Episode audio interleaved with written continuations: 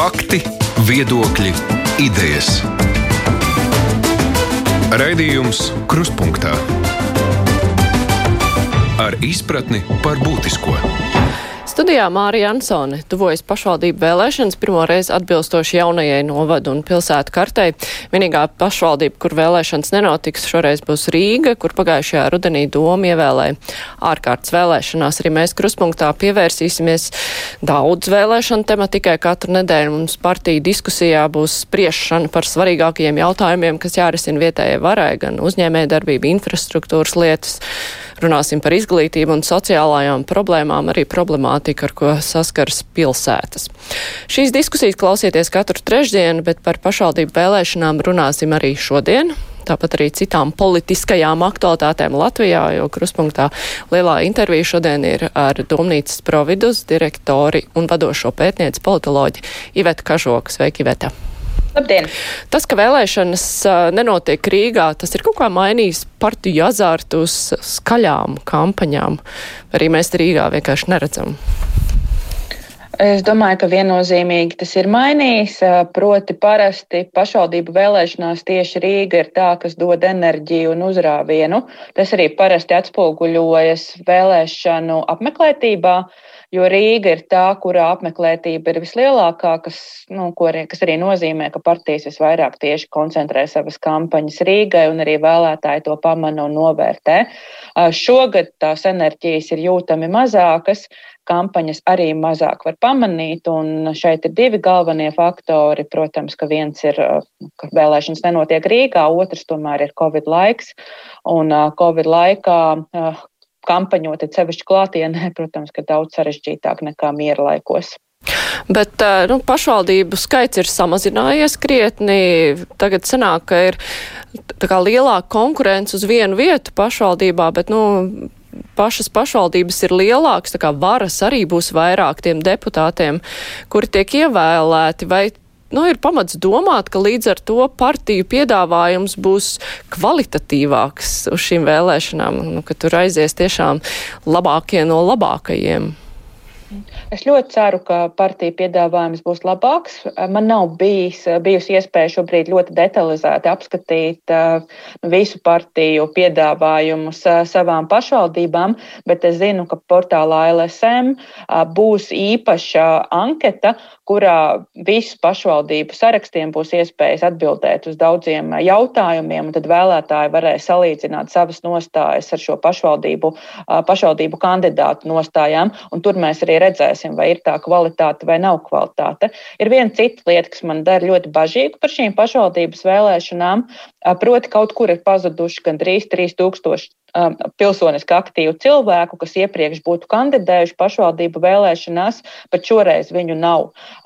Lai gan nu, tiešām tā konkurence uz vienu vietu ir uh, lielāka, tomēr kopējais kandidātu sarakstu skaits un kopējais pretendentu skaits ir ievērojami mazāks nekā tas ir jebkad bijis pēdējos gados pašvaldību vēlēšanās, uh, kas uh, nu, Man liek uzdot jautājumu, kas ir noticis ar šiem gandrīz 3000 cilvēkiem, kuri vairs īsti neredz jēgu piedalīties vēlēšanās.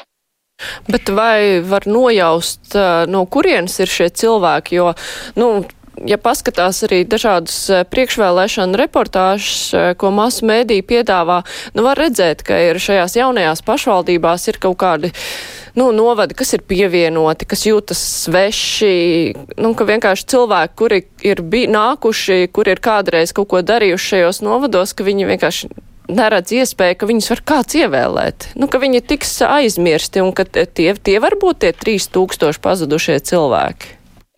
Man šobrīd skaidrojums ir drīzāk tāds, ka Latvija, atšķirībā no citām Eiropas valstīm, piedalīties pašvaldību vēlēšanās ir ārkārtīgi grūti. Proti, ir vajadzīga politiska partija, lai vispār tu varētu startēt vēlēšanās. Iepriekšējās vēlēšanās tomēr Latvijā varēja startēt arī vēlētāju apvienības, kas neprasīja, lai ir 200 biedri, kas tur nodibina jaunu partiju un pēc tam neprasīja arī uzturēt šo partiju kā organizāciju. Līdz ar to tīri struktūrāli iespējas piedalīties vēlēšanās, šobrīd ir kļuvušas mazāk. Dēļ tā, ka vēlēšanas ir kļuvušas par tādu tīru partiju monopolu, un es ar to sliekto skaidrot mazāko kandidātu interesi šoreiz par šīm vēlēšanām. Es ļoti ceru, ka tas ir pārvērties kaut kādā spēcīgākā partija piedāvājumā savām, eh, savie, saviem novadiem, un ka beigu beigās šo spēcīgāko piedāvājumu novērtēs arī vēlētāji, un šogad mēs tomēr neredzēsim rekordzemu apmeklētību pašvaldību vēlēšanām, bet manas bažas ir, ka nu, sevišķi augstu apmeklētību droši vien, ka gaidīt būtu pārāk optimistiski. Bet vai ir pamats pažīties, ka jaunajās apvienotajās pašvaldībās būs kaut kādas tādas mazākas vietas, nu, kuras uh, nebūs vienkārši pārstāvētas ar saviem cilvēkiem? Nu, tāpēc, ka iepriekš uh, tur uh, varbūt piedalījās šīs vēlētāja apvienības, jo tās attiecās uz mazām pašvaldībām. Bet, nu, ka tagad tur vienkārši nebūs neviens un uh, nebūs kas īsti pārstāv šo cilvēku intereses. Arī pašvaldību likums nu, saimā tiek skatīts, bet mēs nezinām, cik ātri tiks izskatīts, eh, kur ir paredzēts šīs iedzīvotāju padomas, kuras varētu mēģināt kaut ko ietekmēt, lai gan arī tām nebūs eh, lemšanas tiesības. Tad šīm te mazajām, nu, mazajām vietām ir bažas, ka tās tiek aizmirstas.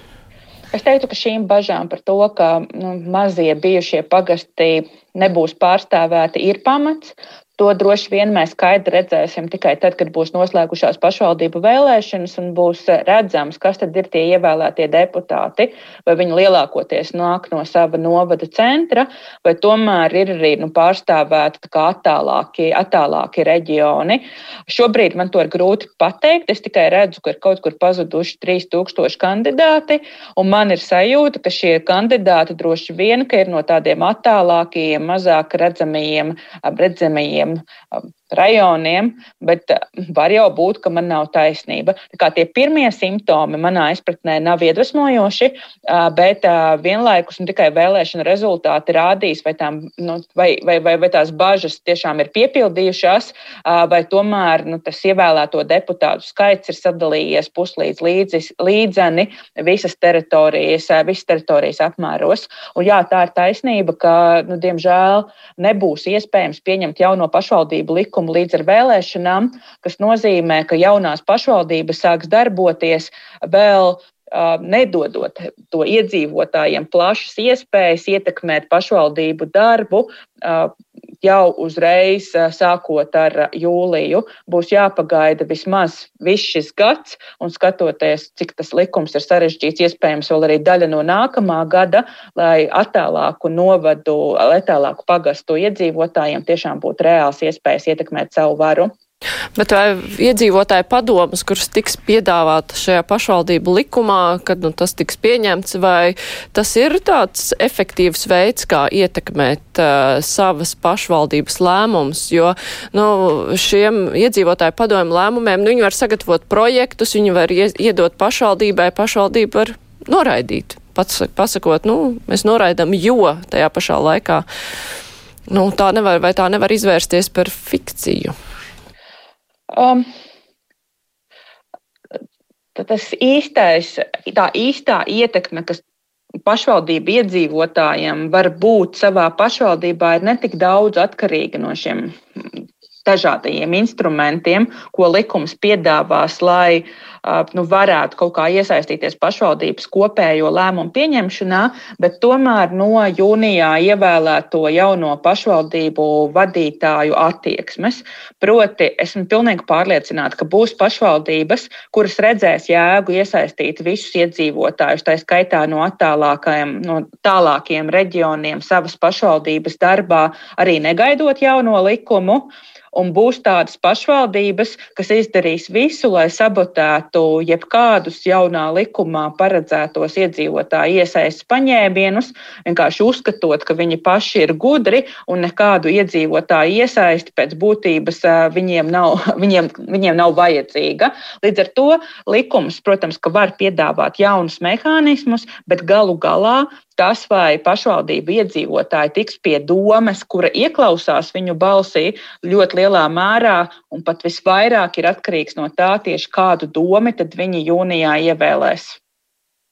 Mazliet atgriežoties vēl pie sarakstiem, nu, Rīgā dažās netālajās pašvaldībās tur ir tāda konkurence, sarakstu skaits ir krietni lielāks nekā daudzās pilsētās. Piemēram, robežos tas bija rekordists, arī Mārupē ir daudz uh, sarakstu nekā pilsētās. Nu, Jūrmalā ir daudz jēkapils populāra, bet kopumā par pierīgu, nu, kāpēc ir tāda interese, vai arī tur partijas, nu, nespēja veidot tos vienotos sarakstus? Um. Man ir uh, tikai dažas hipotēzes, bet nav tāda viennozīmīga skaidrojuma šim fenomenam. Viens, uh, protams, ka pašvaldībās, kurās ir lielāki resursi, um, iedzīvotāji, kandidāti arī redz, ka viņi var vairāk izdarīt nekā tajās pašvaldībās, kurās resursu ir maz vai nav vispār. Tas varētu tiešām būt viens skaidrojums. Otrs skaidrojums ir tomēr tāda plašāka tendence, ko mēs redzam dažās sabiedriskās domas aptaujās, arī tajā aptaujā, ko Providus uh, caur SKDS veids pagājušā gada nogalē ka tomēr tāda iesaistīšanās un ticība savai balsī nav raksturīga visām Latvijas sabiedrības grupām vienmērīgi. Ar rīdziniekiem, tādiem cilvēkiem ar augstākiem ieņēmumiem, cilvēkiem ar augstāku izglītību ir lielākā ticība savai ietekmes spējai un lielāka gatavība arī iesaistīties kopēju jautājumu risināšanā. Tā kā šis reģionālais sadalījums, ka tieši nu, pašvaldībās ap Rīgu ir lielāka konkurence, tas nav liels pārsteigums. Daudz lielāks pārsteigums būtu tad, ja teiksim, Latvijas trūcīgākajās pašvaldībās pēkšņi uzrasto, uz, rastos tāda asa cīņa par varu.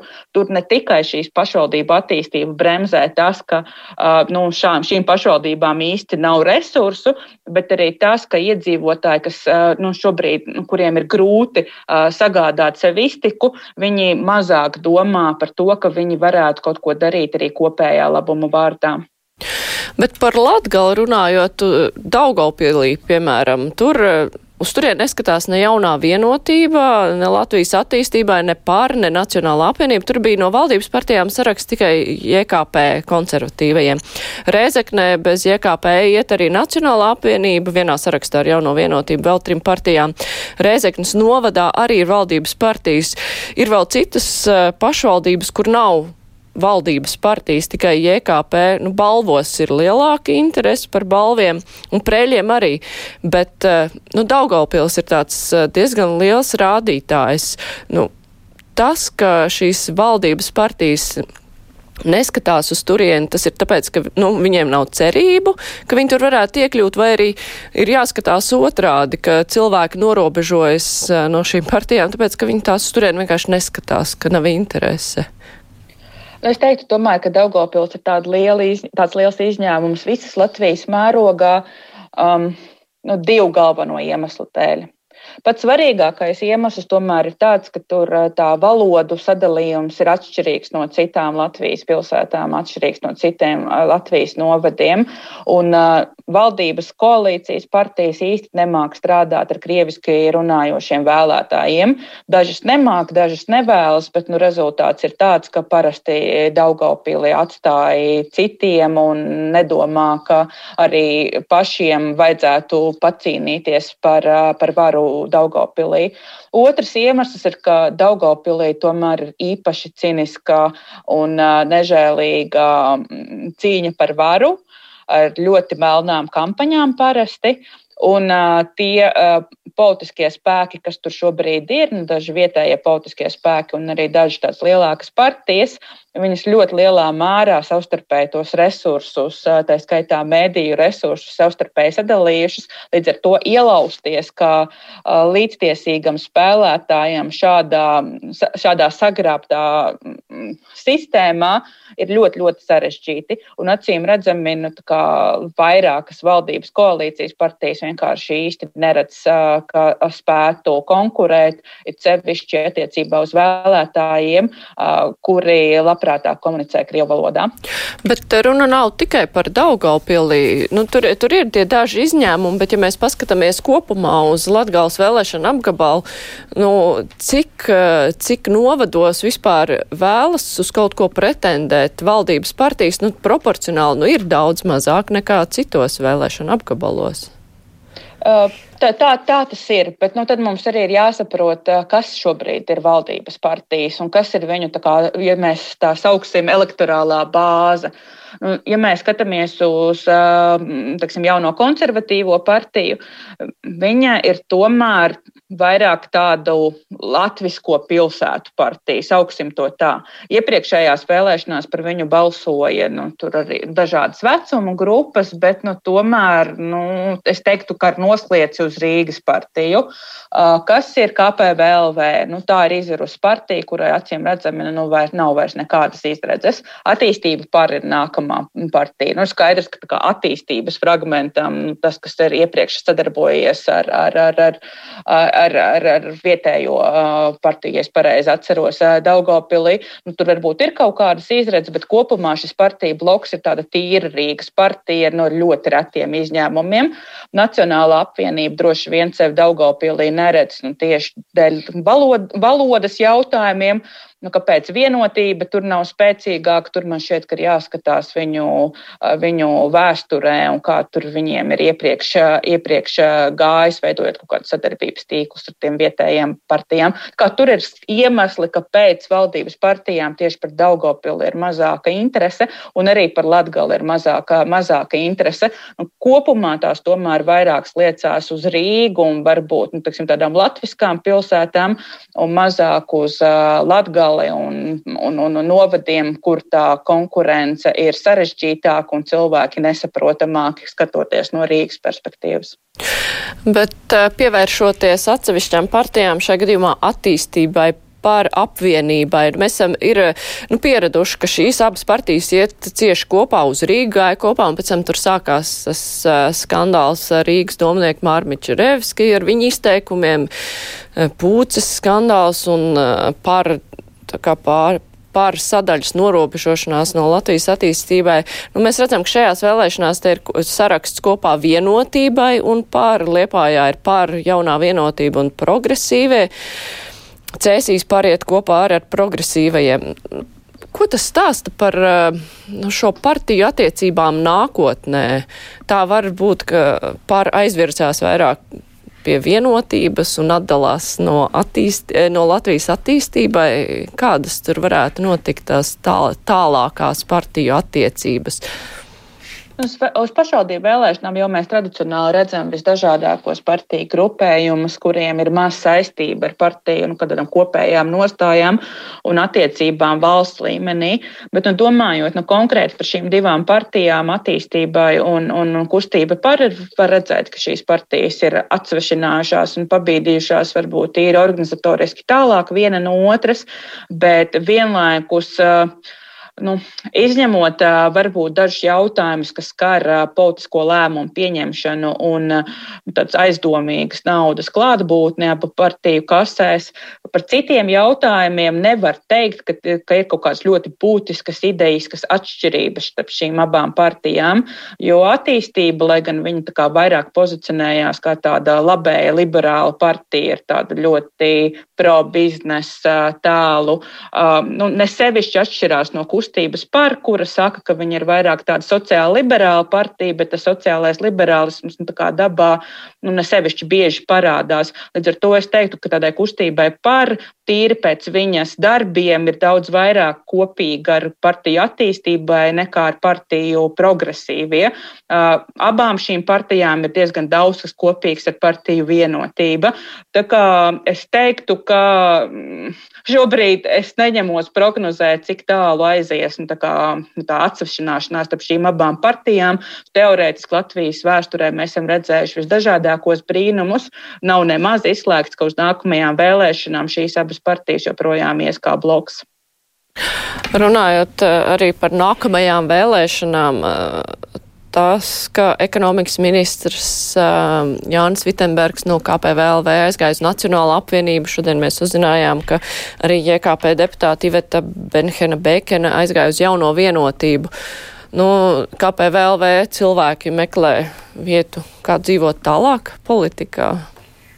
Nu, tas, ka to uh, savu vietu meklē KPVLV cilvēki, tas nav tik ļoti pārsteidzoši. Varbūt nedaudz pārsteidzošāk ir tas, ka uh, nu, šīs partijas ar ilgāku vēsturi, ilgākām tradīcijām šobrīd darbojās kā tāds putekļu sūcējs, kas nu, iesūc sevi. Uh, bez īpašiem principiem, jebko, kas gadās ceļā, sauksim to tā. Jo tomēr KPVLV, kad viņi gāja uz vēlēšanām, nu, tā bija ļoti redzami populistiska programma ar ļoti skarbiem izteikumiem, kas dažkārt nu, ir pilnīgi pretēja nu, taksim, vienotības, vienotības kursam. Protams, ka ir iespējams, ka cilvēki laiku gaitā mainās, mainās arī viņu pasaules redzējumu un partijas nu, saskata, ka tomēr viņiem ir kopīgi, daudz kas kopīgs ar kādreizēju iekšējiem tādiem ideiskiem oponentiem, bet vienlaikus šobrīd izskatās, ka nu, visas partijas, kuras piesaista bijušos KPVLV cilvēkus, to vairāk dara tam, lai nodrošinātu kaut kādu balstu un lielāku stabilitāti esošajā saimā un nevis kaut kādu principiālu iemeslu dēļ. Līdz ar to reāli šo cilvēku liktenis, kas tagad pievienojās vienotībai, Nacionālajai apvienībai, un kad jau mēs redzēsim vēl kaut kādus pārbēdzējus, ir neskaidrs. Šie cilvēki noteikti šīm partijām ir vajadzīgi šobrīd, lai spēcinātu viņu pozīcijas koalīcijā, bet vai vai viņi būs vajadzīgi uz nākamajām vēlēšanām, tas vēl ir liels jautājums.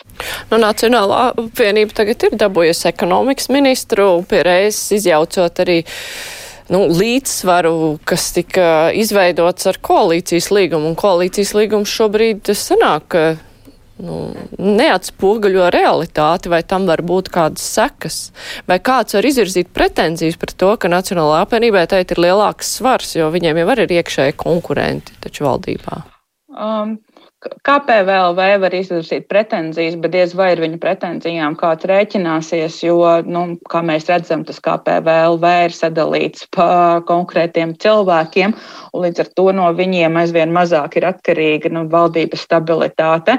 Citas partijas droši vien arī nav īpaši ieinteresēta šobrīd šūpot laivu, nu, vienkārši tāpēc, ka nu, pie esošās situācijas, kad nu, tā valdība ir kļuvusi tik fragmentēta un ka tur ir ne tikai fragmenti, bet arī, bet arī dažām partijām vispār ir zudusi identitāte un viena partija ir totāli sabrukusi.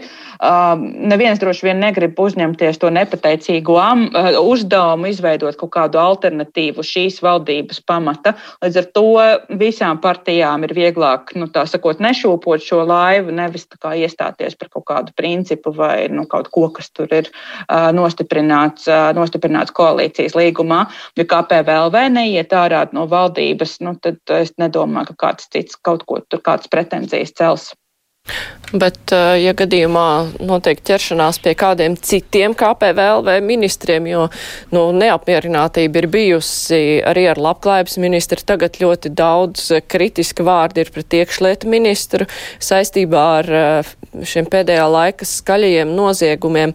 Savulaik Nu, tas gan bija vairāk saistīts ar pandēmijas jautājumiem, bet prezidents arī teica, ka varbūt ir jānomaina ministri, ja situācija paliek sliktāka. Nu, Šobrīd ir notikusi vienkārši ministra pāriešana no vienas partijas otrā, bet eh, vai premjers var atļauties ķerties pie ministriem, uzskatot, ka viņi nav pietiekami labi strādājuši? Veselības ministru viņš nomainīja, bet uh, iespējams paļāvās uz to, varbūt paļāvās uz to, ka attīstībai pār nebūs tā, kas neapzināsies uh, kritisko situāciju un valdību nešūpos, bet vai vispārējie nu, būs tik pragmatiski, ja pie viņu ministriem ķersies? Teorētiski, es arī domāju, ka praktiski Kariņš varētu ja vien viņš būtu šāda veida politiķis, un tad mēs arī redzam, ka nu, Kariņam nu, principā ir ļoti, ļoti neraksturīgi iet uz konfliktu ar saviem ministriem, bet vienlaikus nu, grūti arī nepamanīt, ka tuvojās saimnes vēlēšanas, ka nākamās vēlēšanas ir pēc pusotra gada, un ir problēma gan ar valdības kopējo tēlu, gan arī ar partiju reitingiem. Nu, konkrēti vienotībai gan tā problēma ir varbūt pat salīdzinoši maza, jo salīdzinājumā ar iepriekšējām vēlēšanām nu, viņa reitingi ir tādi, kā toreizējā vienotība varēja tikai sapņot, bet vienlaikus nu, tas kopējais valdības tēls un arī, un arī nu, kā, zin, nākamo vēlēšanu izredzes nerāda sevišķu optimistisku ainu. Tā kā, ja Kariņš vēlētos, es domāju, ka nu, vairākas partijas varētu īstenībā būt ieinteresētas kaut kā uzlabot atkārtot kopējo valdības darbu, kaut vai tāpēc, lai tiksim, atgrieztu iedzīvotāju vēlētāju uzticēšanos šīm partijām un arī valdībai kopumā. Tomēr tie uzticēšanās reitingi ir, ir, ir, ir zemi, un arī nesen aptauja, Eirobarometra aptauja parādīja, ka Latvija ir pēdējā vietā Eiropas Savienībā pēc cilvēku vērtējuma par to, kā valdībā ir sekmējies ar COVID, COVID radītās krīzes pārvarēšanu. Un šī nav laba ziņa nevienai no šobrīd koalīcijā pārstāvētajām partijām, kas vēlētos politikā uzturēties ilgāk nekā ilgāk nekā nu, šo, šo, šo termiņu, jo mēs atceramies, un esmu pilnīgi pārliecināta, ka arī partijas atcerās, kāda bija iepriekšējo vēlēšanu pieredze, kad uh, vēl pusgadu pirms vēlēšanām gandrīz nekas neliecināja, ka pēc vēlēšanām būs kaut kādas nopietnas izmaiņas. Uh, likās, ka turpinās eksistēt esošā ZZS koalīcija, un te pēkšņi sevi spēcīgi pieteica trīs, uh, nu, plus mīnus jaunas politiskās partijas, kas ieguva nu, pēc būtības vairākumu un arī iespēju, iespēju formēt nākamo valdību, ko gan nu, viņas nespēja izmantot, atstājot to, to, to, to, to, to vienotības rokās. Tā kā šādi scenāriji nav izslēgti, un iespējams, ka kaut kādā brīdī tomēr valdībai būs vajadzīgs kaut kāds restarts, kaut vai tam, lai vienkārši atjaunotu zaudētātu uzticēšanos.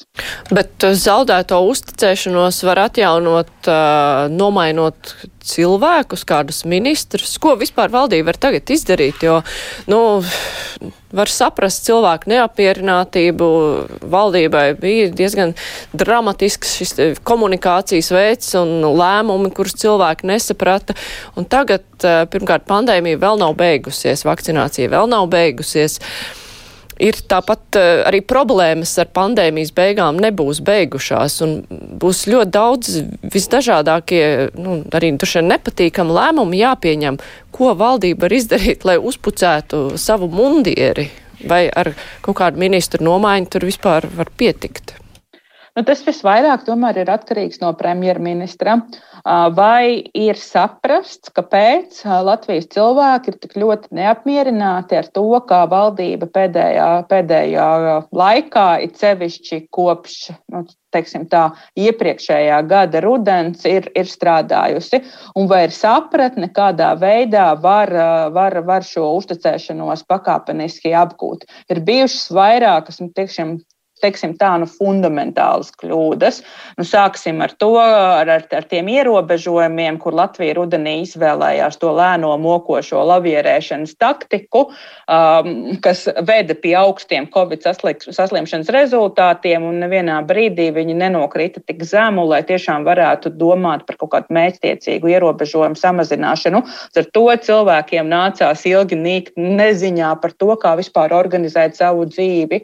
Pēc tam valdība valdībai bija ārkārtīgi grūti vienoties, un par vēlu viņi vienojās par to, ka tiem cilvēkiem, kuri visvairāk ir skarti no Covid, pienākās, pienākās kaut kāds atbalsts un pabalsti, un šis atbalsts un pabalsti nāca negribīgi, lēni, un nu, tikai tagad viņi ir kaut kādā normālā, nu, nesen viņi vēl bija kaut kādā normālā līmenī. Viss, kas notika ar vakcinācijas kā, iepirkumiem, vispār komentārus neprasa, jo nu, tā man šķiet, ka bija nu, viena no pamat pamatīgākajām šī gadsimta Latvijas valdību kļūdām. Nākamais posms bija pēc iespējas ātru riska grupu sapotēšana, un kā mēs redzam pēc rezultātiem, mēs arī šajā rādītājā esam otrā zemākajā vietā Eiropas Savienībā, ka mēs nespējam savus seniorus sapotēt pat tad, kad mums to vakcīnu ir. Tagad ir jānodrošina masu vakcinācija, un tur valdība ir ieprogrammējusi ļoti bizantisku rindu kārtību, kur atkal nav, nu, nav precedentu citās Eiropas valstīs. Un arī ilgtermiņā valdība šobrīd domājot par to atvesaļošanās un atjaunošanas mehānismu, nu, nu, nav izrādījusi paraugu tādā ilgtermiņa domāšanā. Līdz ar to šeit nāktos nopietni saņemties un Kariņa vadībā vai, nezinu, cita premjera vadībā un, kā, izdomāt, kādā veidā valdība var kā, normāli strādāt nākamo pusotru gadu, tā, lai šāda veida kļūdas vairs nepieļautu un lai cilvēki atkal varētu pakāpeniski valdības darbam uzticēties. Tā kā es teiktu, ka tas šobrīd visvairāk tomēr ir atkarīgs no premjera Kariņa, vai viņš saprot iepriekš pieļautās kļūdas, un ja viņš saprot, vai viņš redz, kā organizēt valdības darbu tā, lai nākamie pusotru gads, otrs gads ir tāds, par ko cilvēki var valdību slavēt, nevis šausmināties par tām kļūdām, kas tiek pieļautas. Cita premjera vadībā, kā tas bija domāts? Um, Te ir, te ir tas jautājums, ir sevišķi tajā brīdī, kad Latvija cerams sāks kaut kādā brīdī iziet no tās Covid krīzes, vai, vai Krišānis Kariņš joprojām. Nu, Vai, vai, vai Krišānas Kariņa vadībā ir iespējams atjaunot kā, uzticēšanos valdībai? Krišānam Kariņam ir milzīgas divas priekšrocības pār citiem premjeriem. Viena par kandidātiem, viena priekšrocība ir tāda, ka viņš jau ir šajā amatā un ir ļoti grūti atrast viņam aizvietotāju. Otra liela priekšrocība, ka miera laikos viņš ir daudz efektīvāks, pārliecinošāks, vizionārāks premjeras nekā viņš izrādījās krīzes laikā. Līdz ar to ja, ja krīze tiek pārvarēta, es redzu, kādā veidā nu, tiksim, Kariņš var mēģināt atjaunot uzticēšanos, kas ir zaudēta krīzes laikā. Ja krīze mums te ievelkās, bet vairs nav tik ļoti akūtā stāvoklī, tad es teiktu, ka tas vēl ir jautājums, vai tieši Kariņam ir jāturpina valdīt, vadīt šāda valdība, jo, kā mēs redzam, ar krīzi nu, galā nav labi tikts. Bet eh, nu, savā laikā, kad eh, Krišāns Kariņš tika izvēlēts, viņa, kā viņa plus tika minēta spēja nu, savienot nesavienojamos eh, šajā gadījumā partijas, kuras vispār nav iespējams savākt. Viņš spēja viņus savākt valdībā, nevienu neaizvainojot tā, lai visi tur justos labi cienījami un strādāt kopā. Tas bija tas viņa plus, kas nāca arī no Eiropas parlamenta, kur viņš bija slavens ar to, ka viņš prot sarunāties. Šajā situācijā situācijā, kad uh, ir slikti, ir objektīvi iemesli dēļ, vai savākt nesavācamos var spēt uh, cilvēks, uh, kuram nav šādu īpašību, kurš vairāk cērt dūri galdā, kā tas var tīri praktiski izpausties? Es teiktu, ka uh, iespējams savākt un samierināt nu, dažādu raksturu, dažādu pār, pārliecību cilvēkus darbam vienā komandā ir reta un ārkārtīgi vērtīga īpašība, it sevišķi miera laikos, kad var paļauties, ka nu, procesi tā, šā vai tā nu, lielā mērā ies uz priekšu pareizi, un galvenais ir šiem procesiem netraucēt. Un, nu, tiksim, tā, tas, ko strādā ierēģi, vai arī tas, ko ir iedomājušies ministri, un kaut kā aptuveni virzīt viņus pēc iespējas Latvijas interesēm izdevīgākā virzienā.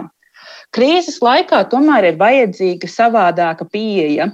Pre, krīzes laikā premjerministrs ir tas, kam ir jāpasaka ļoti skaidrs prioritātes. Viņš ir jābūt tas, kuram cilvēki var uzticēties, ka, ja viņš ir pie stūres, tad viss būs plus mīnus labi vai viss tiks izdarīts nu, iespējami labi.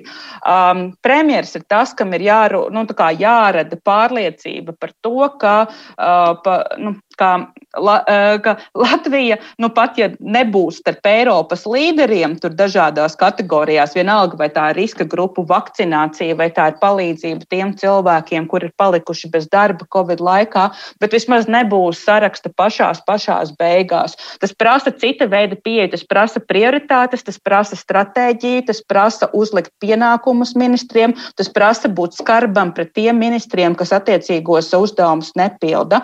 Un mēs redzējām nu, teiksim, dažus, dažus uh, simptomus no Kariņa, ka principā viņš ir uz to spējīgs. Tajā brīdī, kad bija runa par veselības ministras nomaiņu un arī plaši aizgāja pa sociālajiem tīkliem, daži citi Kariņa skarbie izteikumi attiecībā uz ministru un iestāžu un amatpersonu darbu, bet vienlaikus nu, viņš nes nespēja šo kursu noturēt, kad premjeras ir tas, kas krīzes laikā savāc situāciju, viņu sastruktūrē, nosaka prioritātes un tad ļoti mēstiecīgi gan šīs prioritātes komunicē, gan arī uzmana, lai ministri un ierēģi izdara visu atbilstoši šīm prioritātēm. Nu, Kariņš, esot samierinātājs, acīm redzot šo līdera lomu krīzes situācijā, ar to viņam ir grūtāk.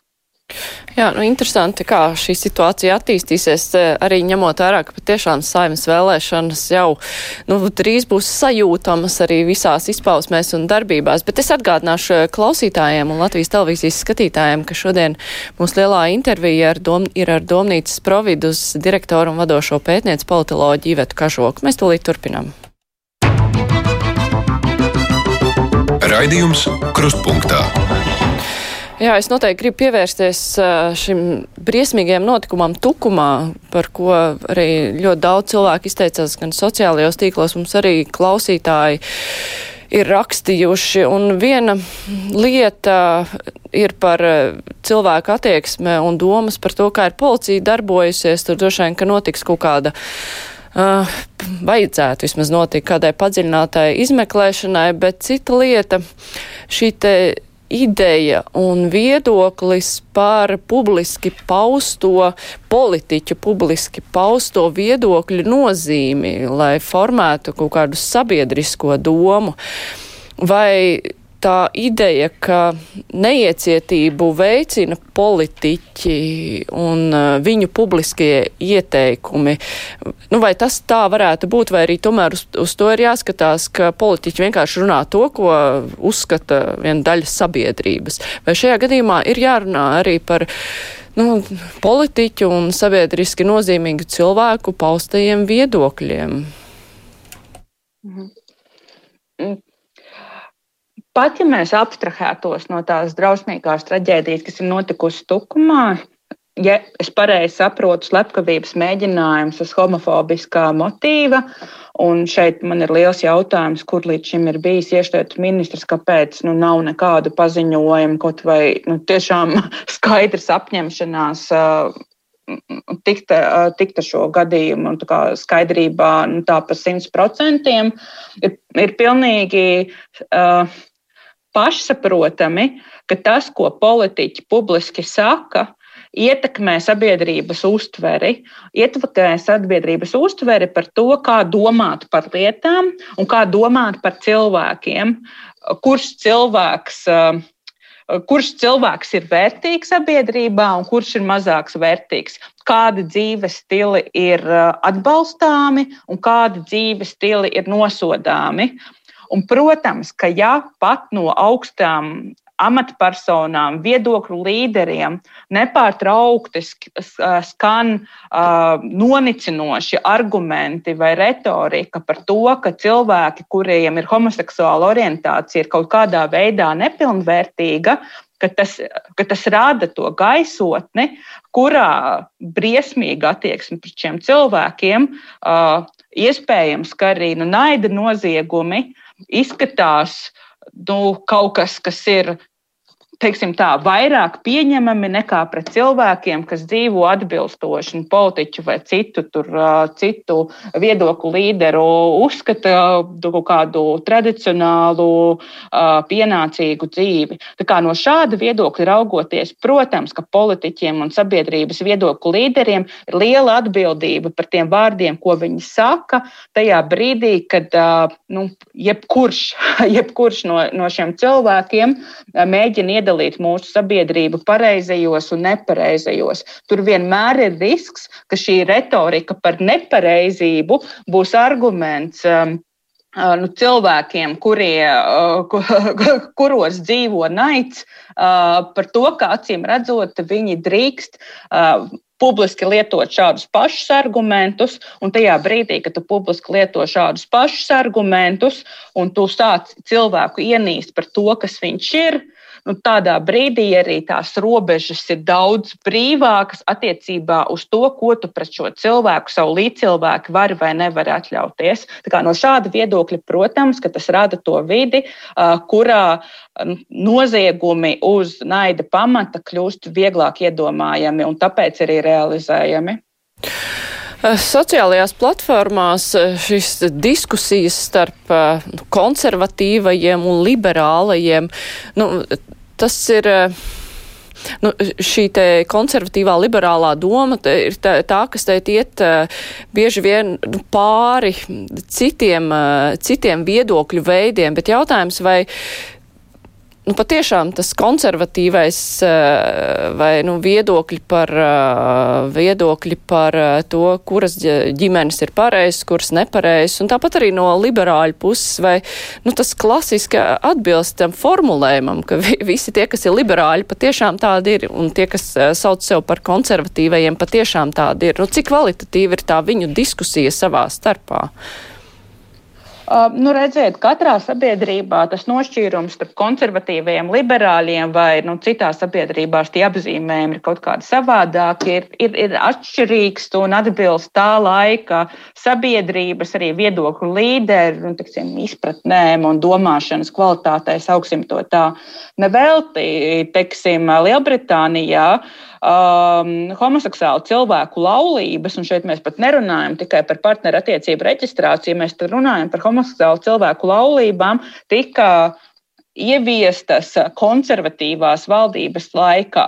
Tāpatās arī citās Eiropas valstīs, kurās ir šis institūts, ļoti reti, ka tās partijas, kuras sauc sevi par konservatīvām valdībām, nu, kaut kā īpaši pret šo institūciju iebilst. Vienkārši tāpēc, ka viņu sabiedrībā ir bijusi diskusija par šīm lietām, un kaut kādā laika gaitā nu, cilvēki ir pirmkārt sapratuši, ka tas vien, ka cilvēks ir homoseksuāli orientēts, nedod tiesības nu, viņam dot mazāk iespēju savā dzīvē vai mazāk tiesības nekā cilvēkiem, kuri ir heteroseksuāli orientēti.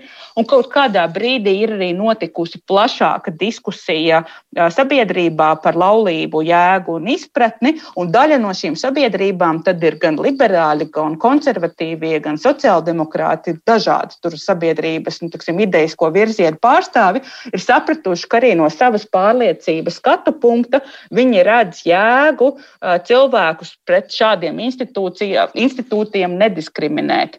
Tā kā es teiktu, ka tā ir Latvijas pašreizējās diskusijas īpatnība, ka mēs katru argumentu par labu teksim, tam, ka homoseksuāli orientētiem cilvēkiem un heteroseksuāli orientētiem cilvēkiem ir jābūt vienlīdzīgām tiesībām, uzskatām par liberālu argumentāciju, kamēr jebkuru pretēju argumentāciju, lai arī cik nu, naidīgi viņi tiek pausta, uzskatām par konservatīvu argumentāciju. Tieši tāpēc šajā tukuma gadījumā, situācijas gadījumā, man tik ļoti iepriecināja daži cilvēki no jaunās konservatīvās partijas, kas tomēr ļoti skaidri pateica, ka šāda veida naida noziegumiem Latvijas sabiedrībā nav vietas. Un šī, manuprāt, ir tāda vienošanās uz tīra humanistisku vērtību pamata, ka mēs negribam, protams, ka mēs negribam, lai Latvijā cilvēkus dedzina, un mēs negribam vienalga, kas ir tas cilvēks,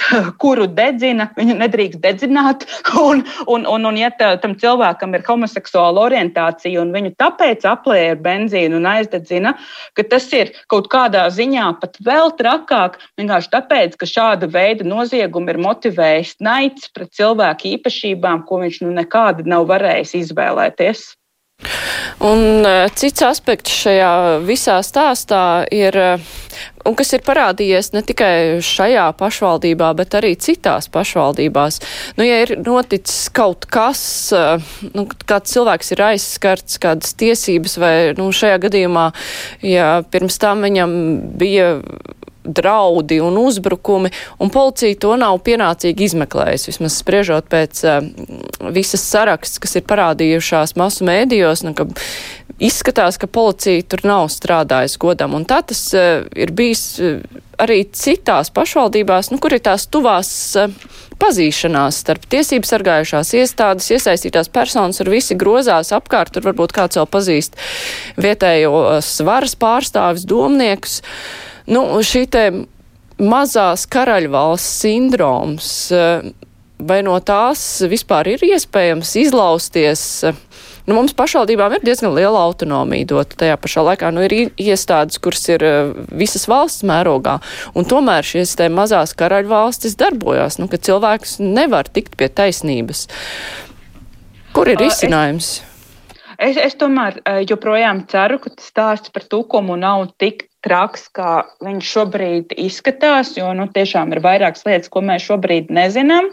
Bet principā eh, jautājums par policijas darba kvalitāti Latvijā ir ļoti pamatots jautājums. Un tas ir atkal ir jautājums, kas ir jāuzdod tam pašam ministram, iekšlietu ministram Girģena kungam, kurš ir politiski atbildīgs par šo jomu un par to, cik labi ir sagatavoti mūsu policisti un cik ļoti viņi tiek vai netiek uzraucīti, lai nebūtu pamata aizdomām, ka policija pasarg dievs kādu tur jumto un kādu taksim, par šādu veidu noziegumu uh, varētu gribēt piesakt. Es ļoti ceru, ka tas tā nav.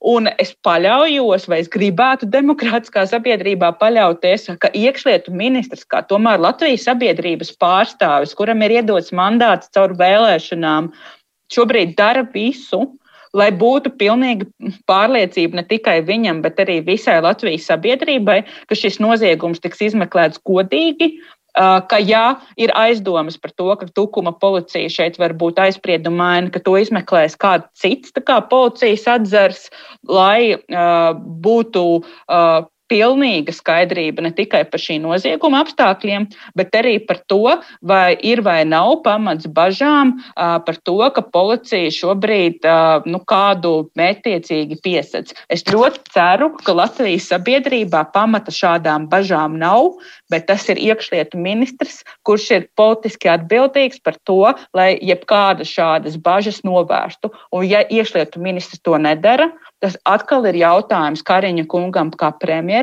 ko viņš kā premjeras dara, lai Latvijas cilvēki varētu justies pasargāti ne tikai no Covid, bet arī no uh, savu līdzcilvēku un iespējams arī policijas patvaļas. Bet, nu, kas premjeram būtu jādara attiecībā uz iekšlietu ministri. Šis gadījums, tas jau nav vienīgais, kur cilvēkiem ir satraukums par to, kas īsti notiek policijā. Nu, viena lieta mēs zinām, ka policija ir vienkārši ļoti slikti apmaksāt, ka tur trūkst gandrīz piektā daļa darbinieku tajā pašā laikā. Nu, tās jau nav vienīgās problēmas, kas saistās ar policiju. Mēs atceramies Ventspilī, kur arī bija šī, šis briesmīgais gadījums, ka ģimene, kur zaudēja bērniņu, ka pret viņiem sāk izmeklēšanu un tajā pašā laikā lietu, kas saistījās tieši, kurš ir vainīgs šī bērniņa nāvē, ka tā savukārt tik ļoti ilgi izmeklēta. Un tur arī bija aizdomas par to, ka nu, tas viss notiek uz vietas un arī cilvēki nevar tikt pie taisnības. Nu, nu, kas premjeram būtu jāprasa tagad iekšlietu ministram? Es pat nerunāšu par šīm te publiskajām šaušanām, kas te notiek. -hmm. Uh, nu, pirmkārt, premjeram būtu jāpaskatās uz lielo bildi un jāsaprot, ka arguments ar to, ka mums ir vāji apmaksāts tur iekšlietu resursi, neiztur kritiku. Jo vismaz pēdējos nu, diezgan daudzus gadus, varbūt es nepaskatījos par to, kas ir noticis iepriekšējā gadā, bet tieši nu, senākos gados, ja mēs skatāmies, salīdzinām Latvijas izdevumus pa dažādām budžeta pozīcijām, salīdzinām ar citām Eiropas Savienības valstīm, tad mēs ļoti daudz daudz kur tērējam par maz, rēķinot pret savu ekonomiku. Um, tāpēc, ka nu, mums tie nodokļu ieņēmumi ir mazāki nekā tādai vidējai Eiropas Savienības valstī. Bet ir trīs jomas, kur mēs līdz šim esam tērējuši, tērējuši nu, tādu vairāk nekā Eiropas Savienības vidēji. Un tur vienmēr ir bijis skaidrs, ka tā ir aizsardzība, jo nu, pēdējos gados mums ir bijis svarīgi tie 2% no IKP. Tā ir bijusi kultūra, līdzīgi kā Lietuva un Igaunija, ka tiešām kultūras jomā Latvija tērē salīdzinoši daudz, salīdzinājumā ar citām Eiropas Savienības valstīm. Un trešā joma ir bijusi iekšlietu joma, kur mūsu kā, finansējums iekšlietu sistēmai nav bijis nemaz tik skops, kā varētu domāt, skatoties uz policijas darba apstākļiem un arī po policistu atlīdzību. Salīdzinoši nesen valsts kontrole veica izvērtējumu par to, kas notiek prokuratūrā, un jau pirmie šie izvērtējumi vārdi nu, mani pārsteidz, ka izrādās, ka teiksim, prokuroru skaits Latvijā ir lielāks nekā nu, teiksim, Eiropas Savienībā vidēji un, um, un arī struktūras kaut kādas izvērstākas. Un, ja ir šāda situācija, ka ir kaut kāds resurs, kurā pēc būtības nu, tā, tā finansējuma nevajadzētu pietrūkt, bet mēs nesaprotam, cik efektīvi viņš tiek izlietots un vai tās struktūras nav izveidotas izšķērdīgi un nepareizi, un reiz tie resursi iet nevis izmeklētājiem, policistiem, lai viņi labi varētu darīt savu darbu, bet kaut kam citam nu, tad tā ir iekšlietu ministra primārā atbildības to sistēmu sakārtot tā, lai cilvēkiem par šo nebūtu šaubas. Un Kariņa kungam būtu iekšlietu ministram tas jāuzdod, un ja viņš netiek ar šo galā, tad mēs jau redzējām, kas notika ar veselības ministri. Kariņa kungam ir visas iespējas iekšlietu ministru nomainīt. Kā uz to reaģētu viņa partija, jo nu, šajā gadījumā tā būtu ministra atcelšana. Premjers jau nav ķēries arī labklājības ministrē klāt, par kur arī jau pirms tam bija daudz sūdzības, vai nu, šādā gadījumā Tur nes, atkal ir tas jautājums nedaudz par pašu premjeru, ka premjeras mums ir lielisks dažādu interešu samierinātājs un procesu virzītājs apstākļos, kad nav krīze. Viņš ļoti lieliski māk izme, iznest tā, tā kā Latviju Eiropas Savienībā un cīnīties eh, par Eiropas Savienības, eh, nu, par Latvijas interesēm, lai viņi tajās Eiropas Savienībā būtu maksimāli apmierinātas. Par to cepuri nost man šķiet, ka labāka premjera šādā ziņā Latvijā nav bijis. Kariņa kungam ir problemātiskāk kaut ko ministriem uzdot un tomēr norādīt uz kaut kādām neizdarībām, bet viņam šajā situācijā, sevišķi tad, kad no KPVLV tiešām vairs nemaz tik daudz nav kas atkarīgs, domājot par valdības stabilitāti, tomēr nāktos būt stingrākam, pārliecinošākam, nu, lai Latvijas sabiedrība, tad, ja viņi jūt, ka vairs nevar uzticēties policijai, lai gan kopumā Latvijas sabiedrība uzticās policijai. Tā ir viena no tām nedaudzajām institūcijām, kurām tiešām tas uzticēšanās rādītājs ir pozitīvs, lai viņi zinātu, ka vismaz premjeras bažas uzklausīs un uzdos šī situācija, šo šādu veidu situāciju atrisināt. Bet, principā, ģirģena kungam, ja vien viņš, protams, vēlās būt politikā ilgāk nekā nu, nākamo pusotru gadu, pašam būtu jāsaprot, ka policijas reputācija ir arī viņa paša reputācija un viņa paša atslēga ieejai nākamajā saimā un valdībā. Tā pavisam īsi, vai valdība šobrīd var iztikt bez KPVLV? Nu, ja mēs tā matemātiski paskatāmies, tur ir cilvēki, kas atbalsta valdību, bet nav vairs šajā frakcijā, tur ir pāris cilvēki, kuri pārgājuši uz citām partijām, tad uh, tīri skaitliski var iztikt bez viņiem?